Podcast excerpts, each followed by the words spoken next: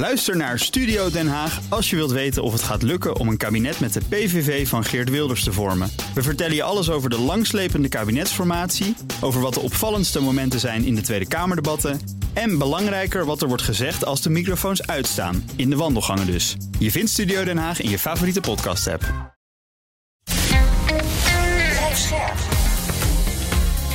BNR Nieuwsradio. Boekenstein en de Wijk. Hugo Reitsma. Welkom bij Boekenstein en de Wijk. Het is vrijdag, dag 443 van de oorlog in Oekraïne. Arjan, waar is Rob? Rob zit volgens mij... Hij staat helemaal in het noordelijke puntje van Noorwegen. Ja. Zit hij nou weer in de balt? Ik weet het ook niet, jongen. Ik ben ook uiteraard kwijt. Hij vliegt sneller dan het geluid. Ja, nou moeten we het samen maar doen. Waar, eh, waar, waar staat het met het uh, Oekraïnse tegenoffensief? Hele vage berichten, maar donderdag is dus gisteren volgens mij. Hè? En er staat nu in de New York Times dat, er, dat ze weer een stukje eh, grond hebben gepakt. Hè? Nog even, in de buurt van Bagmoed. Ja, even recapituleren. Dus woensdag was een hele spannende dag, want Oekraïne was in staat om uh, de vier vierkante kilometer terug te veroveren. En ze hadden dus over de linies heen met uh, raketten hadden ze dus twee pelotons uitgeschakeld en een verkenningsteam. En er was een totale, was een troeprotatie aan de gang aan, aan Russische zijde. Daar hebben ze gebruik van gemaakt. Mm. Nou, nu schijnen ze ook op de noordelijke en de zuidelijke flank gisteren ook vorderingen te hebben gemaakt. En de Russische bloggers zeggen nu dat dat zal vandaag ook wel voortduren omdat er ook weer van die opmerkingen worden geplaatst van ja, die Russische soldaten lopen elkaar in de weg en zo. Ja. Het is heel, er zijn allemaal puzzelstukjes die we altijd weer bij elkaar moeten brengen. Maar er is heel veel oneenigheid in de Russische krijgsmacht. En dat leidt er dus ook toe, ik vond het wel geestig hoor, moet ik je zeggen, dat uh, Prigozhin heeft allemaal van die hysterische filmpjes, daar hebben we eindeloos Baas van gesproken. Ja. En die probeert dus, nou, Kadyrov reageert daar vandaag op, zegt van ja, hij probeert alleen maar... Exchange uh, veldheer, zo ja, maar noemen. Dat Exchange ja. veldheer. En die zegt dan van ja, hij probeert natuurlijk gewoon zijn eigen onvermogen om het in Bagmoed te redden nu een beetje bij anderen neer te leggen. En ook die Igor Kirkin, weet je wel, die andere blogger, hè, die ook een belangrijke rol speelde in 2014 in Donbass, die zegt ook van ja, ook Prigozhin is gewoon bezig een eigen straatje schoon te vegen. Mhm. Mm -hmm. Het is dus geen fraai gezicht. Hè. Moet je je voorstellen, Poetin kan die jongens niet verenigen. Shoku wordt uitgescholden door Prigozhin. En het gaat gewoon na negen maanden belegering van Bagmoed. Hebben ze het Bagmoed nog steeds. Maar sterker nog, het lijkt zich om te keren in zeer bescheiden ja. zin. Ik las wel eens een keer ergens eerder een, een, theorie in al die speculatie over als het Oekraïnse tegenoffensief komt. Waar dan? Dat Bagmoed eigenlijk misschien helemaal niet zo'n gekke keuze zou zijn. Want de Russen zijn natuurlijk overal ingegraven. Maar ja. bij Bagmoed had je juist een bewegend front. Dus daar hebben ze niet zo uitgebreid versperringen kunnen neerzetten. Zo, alles kan. Maar Zelensky die zegt, nee, het is nog geen tijd. Want ik wacht vooral nog op meer panzerwagens, meen ik. Ja. En, en dit is ook hartstikke leuk. Dus Zelensky heeft tegen de BBC gezegd van... Uh, ja, ik kan nog geen offensief beginnen hoor. Het is nog een beetje te vroeg hè. Nou, gelijk allerlei denkscholen. Van de eerste zegt van, nou, hij wil kennelijk nog meer wapens hebben. Hm.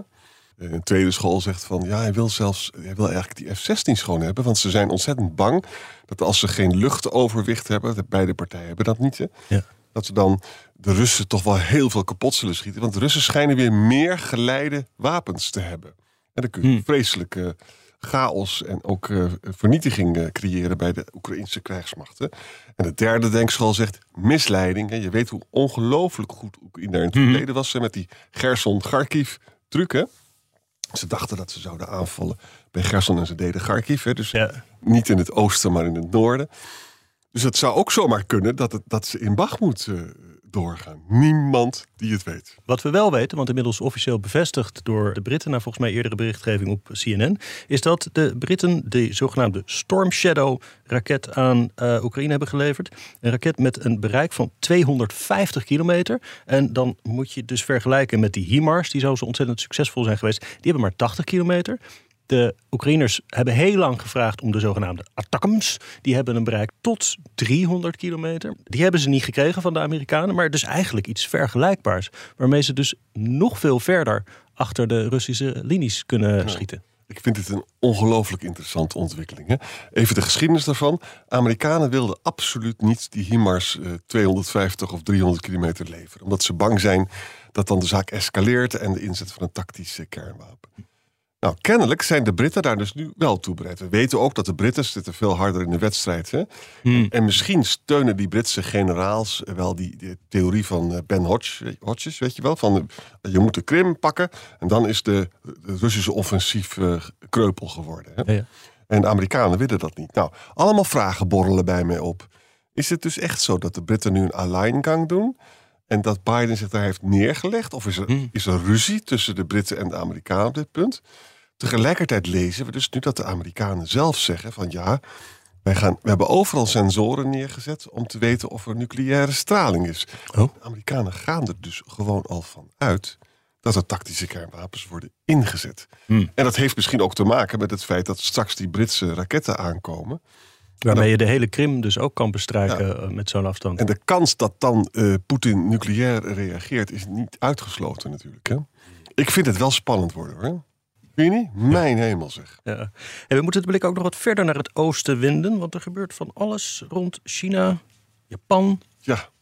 ja, eerst maar even China. China stuurt dus na al die weken een envoy, een zaakgelastigde, een onderhandelaar. En- die, eh, dat is de meneer meester Li. En die heeft tien jaar lang ambassadeur geweest, eh Chinese ambassadeur in Moskou. En die gaat dus nu praten over hoe die oorlog kan worden beëindigd. Maar Poetin wil toch niet praten? Poetin wil absoluut niet praten. En ik heb ook het gevoel, maar misschien heb ik, zie ik het fout, dat ja, China heeft ook helemaal niet zoveel zin om iets aan een paard te gaan trekken dat helemaal niet werkt. Maar ze doen het nu toch maar in, in de hoop dat, het, dat mensen dan niet boos worden op China. Dat wij hebben er alles aan gedaan, zoiets zeg je wel. Hm. Maar de kans dat dit lukt, lijkt mij niet eh, erg groot. Ze hebben eerder een soort tienpuntenplan geformuleerd, wat wij hier hebben afgedaan als flauwekul. Ja. Dus als op basis daarvan het gesprek gevoerd gaat worden, dan is het waarschijnlijk weinig kansrijk. Maar het is wel een probleem voor China, want ze hebben dus heel spectaculair dus eh, Saudi-Arabië en Iran bij elkaar gebracht. Kijk, China wil ook als een effectieve diplomatieke operator eh, natuurlijk. En als dit helemaal tot niets leidt, dan is dat beeld van dat je, dat je behendig diplomatiek opereert, krijgt natuurlijk wel breuklijnen. Dus ik begrijp het. Ik begrijp de Chinese diplomatie niet altijd. Ja, wel interessant als ze dus proberen in elk geval een iets gematigder positie uit te stralen. Eh, samen ook met dat er gisteren eh, weer een gesprek is geweest tussen de Chinezen en Amerikanen. Wang Yi, die hoogste Ja. eh, ambtenaar eigenlijk is die op buitenlandse zaken. En Jake Sullivan, de Amerikaanse veiligheidsadviseur, hebben in Oostenrijk met elkaar om de tafel gezeten. Inhoudelijk niks over bekendgemaakt. Ja. Maar het lijkt me wel mooi dat die weer in gesprek zijn. Ja, en, en, de Amerikanen proberen natuurlijk alles aan te doen dat China meer doet, omdat Rusland natuurlijk ontvankelijker is voor het verlies van de Chinese steun. Hm. Maar ja, ik denk niet dat we, dat, dat we daar veel van moeten verwachten. Misschien, weet je wat er zou kunnen gebeuren? We krijgen straks dat offensief en dan krijgen we straks weer een stalemate, een impasse. En dan kan misschien China zich ertussen mengen. En net doen alsof zij dat staakt het vuur dan hebben gedaan, weet je wel. Beetje opportunistisch. Maar ik weet het ook niet hoor. Nee, nou, dus een en ander eh, rond China, maar ook rond Japan. Jij noemde een overleg met de NAVO. Ja, de, de, de, de, de NAVO gaat dus een bureau openen in Japan. Heel interessant, hè? Ja.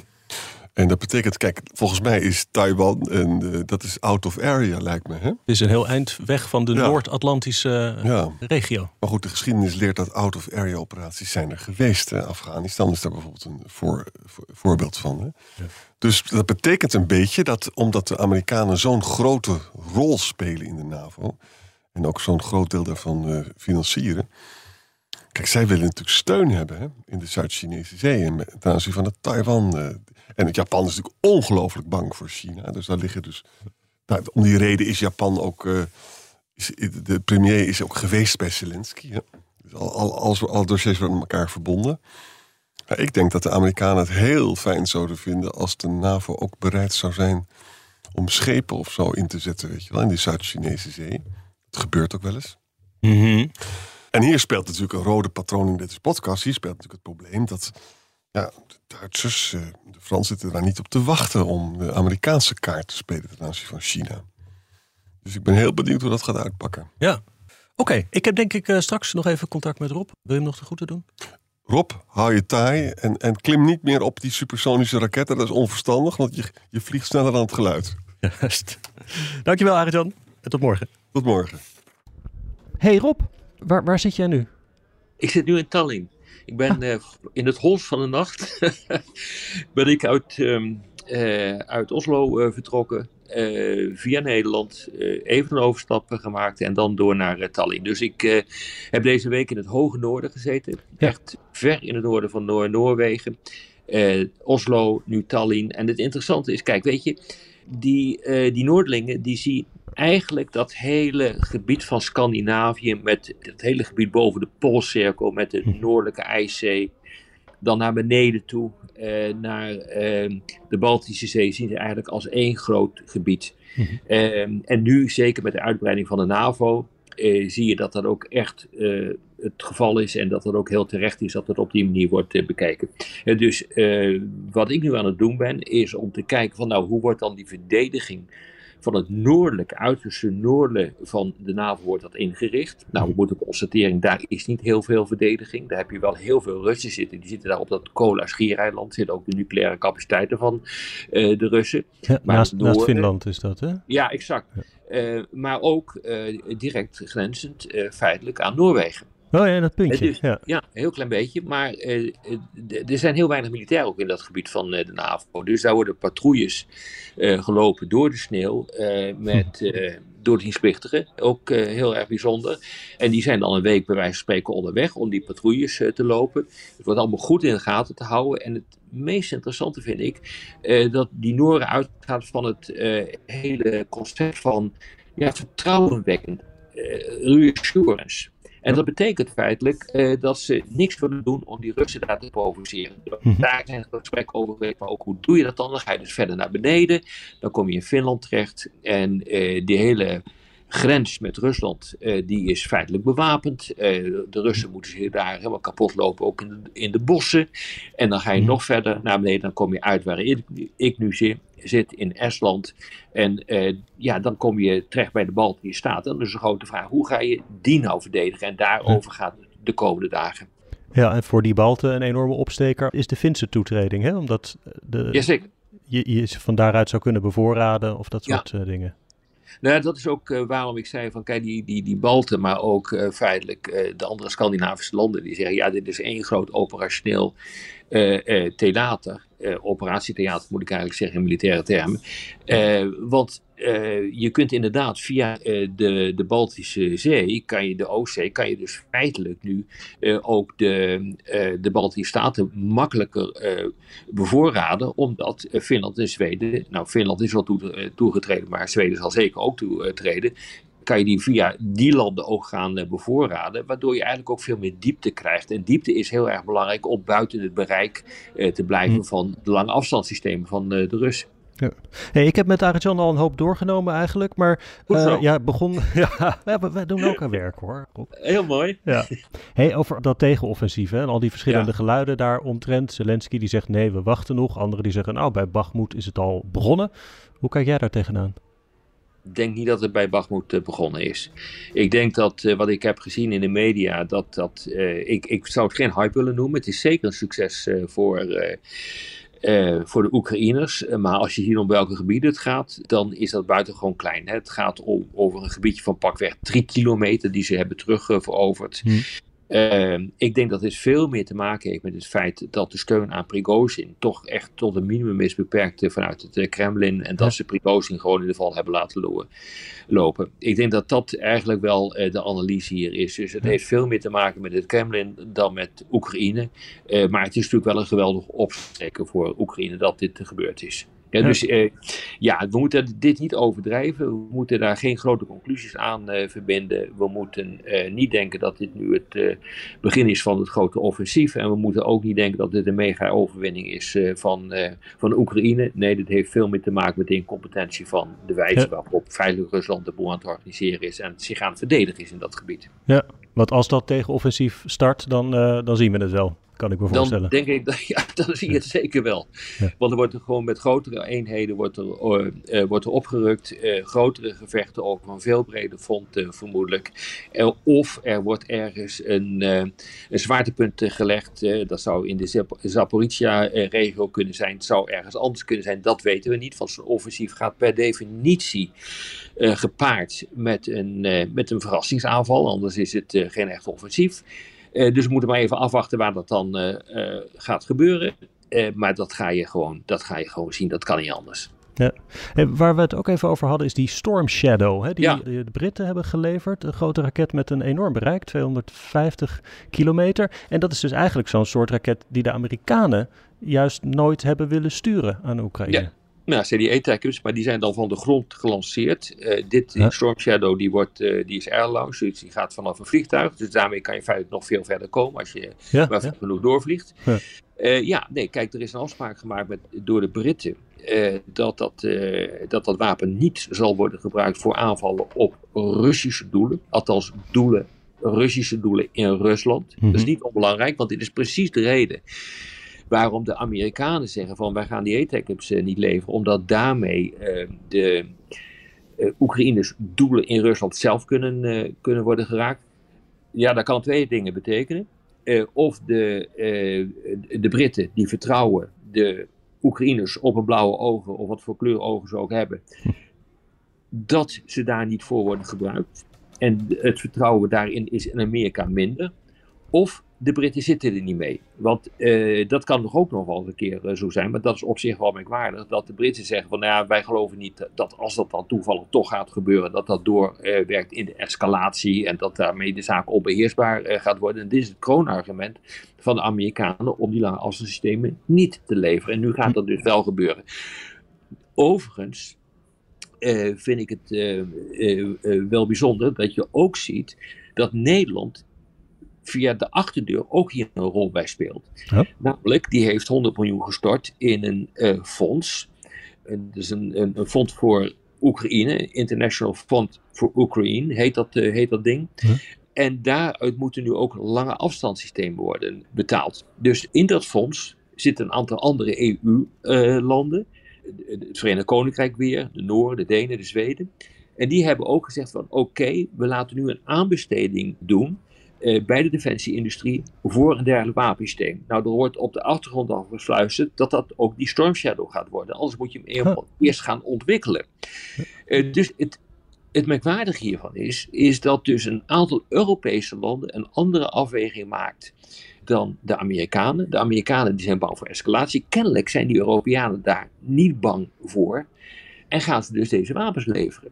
En eh, ik heb ook eens hier eens, daar eens wat rondgevraagd, eh, eh, zowel hier in, eh, in Estland als in, in Oslo. Van ja, hoe zit dat nou eigenlijk? En iedere keer krijg ik wel hetzelfde antwoord. Hm, die Europeanen staan er toch wat, ja, ja, emotioneler in. Laten zich wat meer leiden door emoties. Zeggen van dit kan niet. De Amerikanen zitten er veel strategischer in. En die Hm. zeggen van wij nemen dit risico niet. Maar moeten nu dan eigenlijk de Russen, nu dit nieuws bekend is geworden, hun commandocentra en logistiek, opslagplaatsen, dat soort dingen gewoon weghalen uit heel bezet Oekraïne? Want die komen nu allemaal binnen het bereik van die nieuwe raketten. Hangt er vanaf of je de raketten kan neerhalen. Hangt er vanaf of je zo'n vliegtuig kan eh, neerhalen. Eh, hangt er vanaf eh, of ze zijn ingegraven, of ze in bunkers zitten. Dat kan je zo niet beantwoorden op dit ogenblik. Dat Rusland kwetsbaarder wordt, is dat zeker wat. En dus ook de doelen, de Russische doelen in Oekraïne, dat die ook kwetsbaarder worden, dat is gewoon evident. Maar zij zullen ongetwijfeld een analyse maken. eh, kijken hoeveel eh, luchtverdedigingsmiddelen ze hebben. Mhm. eh, en zullen dan op basis daarvan een besluit gaan nemen. Die analyse kan ik op dit ogenblik niet maken. Oké. Nou, eh, ik moest je verder nog de groeten doen van Arjan. Oh, dat is gezellig. Hij komt Ja. zo hier in, eh, naar, naar Utrecht toe, waar we bij Wilfred Gené aanschuiven over onze Ja. theatertour. Dat weet ik. Jammer dat ik er niet bij kan zijn. Wel bij de theatertour. Daar ben ik absoluut bij. Heel fijn. Ik zal beloven dat ik dan niet weg ben. Afgesproken. Zie je dan, Rob. Dag Hart. Dag. Ook Liesbeth Staats vind je in de BNR-app. Ja, heel handig. Luister live naar Kees en mij tijdens de Daily Move. Dan blijf je ook gelijk op de hoogte van breaking news en het laatste zakelijke nieuws. En daar vind je ook alle BNR-podcasts, waaronder de Perestrooikast. Download nu de gratis BNR-app en blijf scherp.